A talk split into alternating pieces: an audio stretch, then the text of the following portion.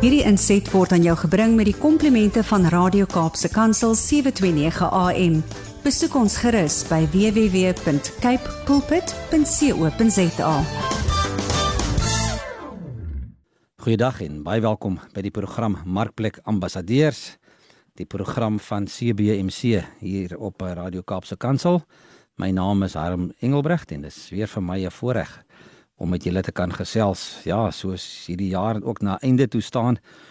Ehm um, kom mense agter hoe, hoe hoe baie programme al gedoen is en as jy belangstel om 'n bietjie meer te gaan luister na daai programme wat ons opgeneem het, ook veral in hierdie reeks. Ons trek af vandag al by die by die 22ste program in die reeks wat gaan oor Bybelse leierskap is jy ook welkom om te gaan kyk op Radio Kaapse Kansel se webwerf en ook daar na die potgooi toe te gaan en te gaan kyk onder die skakel Markplek Ambassadeurs. Daar kan jy gerus ook na die ander programme luister. Ek is besig met 'n reeks om te gesels oor leierskapslesse en wat kan ons leer uit die Bybel uit rondom leierskap en ek uh, gebruik um, grootliks die handleiding of kom ons noem dit liewerste die die leierskap Bybel ehm um, waar aantekeninge gemaak is rondom leierskap ehm um, deur John Maxwell en ek gebruik uh, dit as 'n riglyn. Ons werk so 'n bietjie ander materiale by, maar grootliks en ek gee ook erkenning daaraan dat ons daardie uh, publikasie gebruik. Die uh op die oomblik is ons besig om te gesels oor oor Gideon. Ek het verlede week bietjie afgesluit toe ons net so bietjie oor Gideon begin gesels het en ehm um, hoe Gideon dan ook uh dit reg gekry het ja om a, om a, om die leier te word al was hy maar 'n redelike bang en lafhartige ou gewees. Maar Gideon het het 'n paar 'n paar goed reg gedoen. Hy het onder andere reg gekry om die om die regte mense te kies um, om saam met hom te gaan.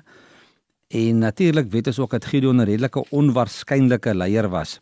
Nou ons het verlede week so 'n bietjie begin gesels oor Gideon wat ehm um, gevra is hy moet hy moet manne saamvat om uh, te gaan veg en uh, op die einde van die dag het die Here hulle so uitgesif daar dat toe nou net 300 manne oorgebly het ehm um, wat saam met hom gegaan het om ehm um, of 100 man uiteindelik wat saam met hom gegaan het om op te trek en te gaan en te gaan beklei. Maar die ehm um, ding wat ons lees of leer uit hierdie hele uh, uh, storie rondom Gideon uh, gaan oor keuses. En Gideon het geleer hoe om leiers reg te kies. Kan jy indink, nê, nee, toe Gideon nou moet optrek om om te gaan veg, toe toe vra hy manne om saam te kom en daartoe nou soveel manne gekom dat hulle eintlik eintlik te veel was. En ehm um, daar was uh, om mee te begin as ek nou reg onthou was daar hier by 1000 manne en toe is hulle af na 300 toe en op die einde na 100 toe. Nou wat 'n lekker probleem het Gideon nie gehad nie. Hy het eintlik te veel vrywilligers gehad. Hy het te veel vrywilligers gelok wat saam met hom kon gaan en wat bereid was om saam met hom ook uh, te gaan te gaan veg. So een ding wat ons van Gideon se leierskap kan leer is en hy kon manne mobiliseer. Hy kon manne bymekaar trek en hy kon ouens kry om saam met hom te gaan.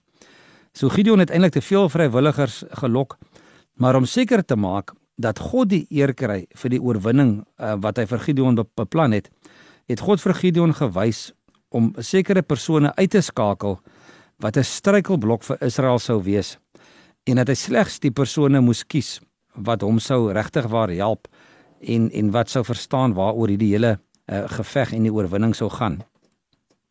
So die lesse wat ons kan leer oor doeltreffende leierskap is nommer 1 'n toegewyde leier trek altyd baie mense aan en saam met hom. En ons het dit al hierdie jare hele paar keer vir mekaar gesê. Daar's baie mense wat hulle self as leiers wil voordoen, baie mense wil hulle self leiers noem. Maar weet jy wat? As daar nie volgelinge is nie, is daar nie 'n leier nie. En hier sien ons duidelik dat Gideon meer as genoeg volgelinge gehad het om saam met hom te gaan. En ehm um, hy was 'n toegewyde leier wat genoeg mense uh, aangetrek het om saam te loop uit die aard van die saak was daar toe nou net 100 manne wat saamgegaan het en toe die oorwinning gegee word. Ehm um, is dit dan natuurlik mos voor die hand liggend dat die dat die eer vir die oorwinning nie na mense toe kan gaan nie, want vir daai handjie vol mense was dit onmoontlik om die oorwinning te behaal. So die eer vir die oorwinning het God toegekom. En dan in die volgende plek ehm um, daar's altyd 'n vermindering van troepe voordat die geveg begin. Daar's daar's 'n klomp mense wat aanvanklik volg en dan is daar ook die wat onvermydelik uit eie keuse uit besluit om om nie meer saam te gaan nie. Sodra hulle dalk hoor presies wat van hulle verwag word, dan sê ons in Engels hulle dan back hulle uit, né? En dan ehm um, maar daar's ook 'n manier hoe om mense te verminder en dit was God se keuse. Ehm um, ons lees daar in in mos in hoofstuk 7 van Rigters waar die manne moes gevra geword het om hulle om water te drink en toe het die Here gesê maar slegs die manne wat ehm um, wat water drink ehm um, op 'n op 'n sekere manier is toe nou gekies om saam te gaan. So eers het die manne self bietjie teruggestaan, die wat nie wou gaan nie, of wat nie kans gesien het nie, en toe het God ook gaan kies en hy het 'n spesifieke kriteria gehad waar volgens Gideon toe manne moes saamvat. So God kies ook nie manne volgens of mense volgens ons maatstawwe nie.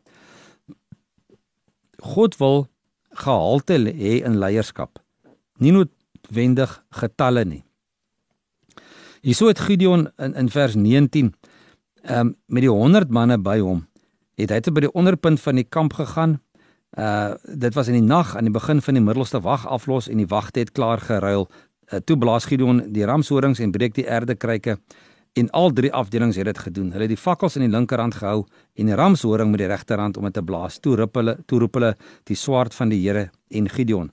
Hulle het toe om die kamp gaan staan, elkeen op sy pos en toe die ehm um, 300 man die ramshorings blaas het die hele kamp op die vlug geslaan. En dan ehm um, lees ons dat hulle toe nou hierdie hierdie kamp mense en ek ek ek ken nou die getal nie hoeveel hoeveel daar was 'n hele paar paar duisend manne wat in daai kamp was wat Gideon en hierdie 300 manne toe eintlik maar in 'n mate verslaan en verjaag het. Hy het hy het ehm um, dit het gegaan oor gehalte uh, van van mense en Gideon se gehalte van leierskap en ook nie die getalle nie um, 'n paar toegewyde leiers wat 'n strategie het, sal vir 'n oorwinning sorg. En dit is dit is belangrik. Baie keer dan sit mense met met groot ehm um, getalle mense wat moet besluite neem en 'n 'n leierskapstruktuur wat baie keer bietjie lomp is, rade wat baie groot is en op die einde van die dag sit die ouens daar ehm um, en en hulle is nie noodwendig toegewyd nie. Daar's nie noodwendig 'n goeie strategie nie en daar's nie noodwendig goeie resultate nie. Maar hier sien ons 'n paar toegewyde leiers wat 'n strategie het kan vir 'n oorwinning sorg. En wanneer daai paar mense die sukses behaal, dan trek dit ook weer eens die massas aan om saam met hulle om saam met hulle te gaan. En ons weet ook as ons kyk um, na Gideon se storie, dan het God um, eintlik 'n onwaarskynlike persoon gekies, nê. Nee. Hy het uit uh, Gideon wat ons gelees het laasweek wat daar in die in die parskyp gestaan het en graan uitgeslaan het.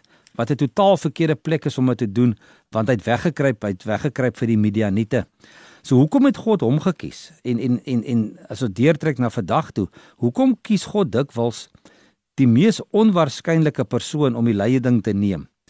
Wel dit kan een van 'n paar redes wees en onder andere die een kan wees om die wêreld se aandag te trek. Ehm um, iewes skielik as hier 'n man opstaan wat wat God as 'n leier aanstel of kies, dan is dit of die mense so bietjie gaan stil staan en sê, "Wow, wat gaan hier aan? Waar kom hierdie vandaan?" Heeltemal uit 'n uit 'n kant uit wat wat hulle nie verwag het nie. So so 'n bietjie half onverhoeds betrap, half 'n bietjie onkant betrap en iewes skielik dan het is die aandag van die wêreld op hierdie op hierdie persoon. Die die tweede rede hoekom God onwaarskynlike leiers kan kies, is waarskynlik om ons te herinner wie die eer moet kry sodat dit nie moet gaan oor daardie persoon nie. Want daai persoon is is 'n is 'n onwaarskynlike persoon eh, die die eh, nie die ene wat wat ons sou verwag het nie. Dalk ene wat minder aansien het dalk een wat minder ehm um, geleerdheid het dalk een wat ehm um, minder uh, invloed het. Maar die Here wil ons herinner wie die eer moet kry en dit is hy wat natuurlik die die groot leier is van van hulle almal. So God self moet die eer kry. Dis ook baie keer hoekom hy 'n onwaarskynlike leier aanwys en dan ehm um, nog 'n rede kan wees om die boodskap eenvoudig te hou. Ehm um, baie keer gebruik Jesus eenvoudige mense. Um, ons het gesien en ons weet in die Nuwe Testament toe Jesus sy disippels gekies het, het hy nie die in die kerke en die sinagoges en in die tempels ingegaan en wetsgeleerdes en fariseërs gaan kies om om sy volgelinge te word nie. Nee, hy het die onwaarskynlike pad gevolg en hy het vissermanne gaan haal wat daar by die see gestaan het om hulle dagse brood te verdien of moet ek sê om hulle dag se vis te verdien. En hy het hulle gaan haal sodat die boodskap ook eenvoudig gehou kon word. Nie met groot geleerdheid het hulle verkondig nie, maar net die waarheid en dit wat hulle gesien en ervaar het van Jesus af. Die vierde rede hoekom God kan 'n onwaarskynlike uh, uh, uh, leier kies is sodat ons op God sal vertrou eerder as op die mense. Want baie keer dan as daar 'n as daar 'n groot gesiene persoon is wat leiding neem, dan is mense geneig om na daai persoon te kyk en op hom te vertrou in plaas van om op die Here te vertrou. So hulle haal mense haal hulle oë dan van God af en maak so staat op hierdie persoon wat amper ehm, 'n um, afgod word, nê, nee, wat soos die Engelse sê wat 'n idol word. En en en die mense idealiseer hierdie persoon wat hulle volg in plaas daarvan om God te vertrou en vir hom te volg. En dan die laaste rede uh, wat wat ons kan oor praat hoekom God uh, partykeers onwaarskynlike mense kies as leiers is ehm um, sodat God se krag in daai persoon tot sy volle reg kan kom. Sodat God ons met sy met sy krag uh, kan vul. Dan wil ek aangaan na die volgende uh, rigter toe. Ons het nou gelees van van Gideon en dan het ons gesê laas laasweek daar was 'n klomp rigters omtrent 'n stuk of 13 en die en Gideon was die ehm uh, was die sewende ene gewees. So ek is nou by ekskuus tog die vyfde ene. So die volgende ene, die volgende rigter na Gideon wat toe nou in bewind gekom het en wat aangestel was, was Abimelek. Nou Abimelek was nou weer een van daai manne wat die dinge verkeerd omgedoen het. Abimelek is nou is nou weer 'n een van daai manne wat ehm um, wat die goed verkeerd gedoen het. En ons lees daarso in vers 22 van Rigters 9 Abimelek het het 3 jaar lank oor Israel geregeer. Uh, toe het God vyandskap laat kom tussen Abimelek en die burgers van Sichem en hulle teen hom in opstand gekom. God het, het dit oor Abimelek gebring oor die onreg wat hy sy broers, die 70 seuns van Jerubbaal, um aangedoen het toe hy hulle vermoor het. God wou hulle doodwreek en hy het die dinge oor die burgers van Sichem gebring omdat hulle vir Abimelek gehelp het om sy broers te vermoor. So Abimelek het het gedoen wat verkeerd is in die oë van die Here. As ons by hoofstuk uh, 9 rig van Rigters lees hoofstuk vers 1, dan staan daar dat Abimelek seun van Jerubbaal het na Sichem toe gegaan, na sy ma se mense toe en vir sy familie gesê: "Vra al die leiers van Sichem, is dit beter as al 70 seuns van Jerubbaal oor julle regeer of as net ek oor julle regeer of net een oor julle regeer? Julle weet goed, ek is een van julle." En sy familie het vir die burgers van Sichem gevra en hulle was bereid om vir Abimelek te aanvaar. So Abimelek het eintlik homself gaan aanstel, né? Hy het homself gaan voordruk om om 'n leier te wees. So wat hy gedoen het was eintlik hy het homself verhef uh, voor mense. En so op die oog af was Abimelek dalk die ideale kandidaat vir leierskap, né? Hy was 'n begaafde spreker. Hy was 'n goeie uh, uh, was goed met taktiek, goeie taktikus en hy was vasbeslote om oor die mense te regeer. Hy het 'n passie gehad om te lei. maar passie is ongelukkig nie gelyk aan gepas nie. So hy's nie noodwendig die regte persoon nie.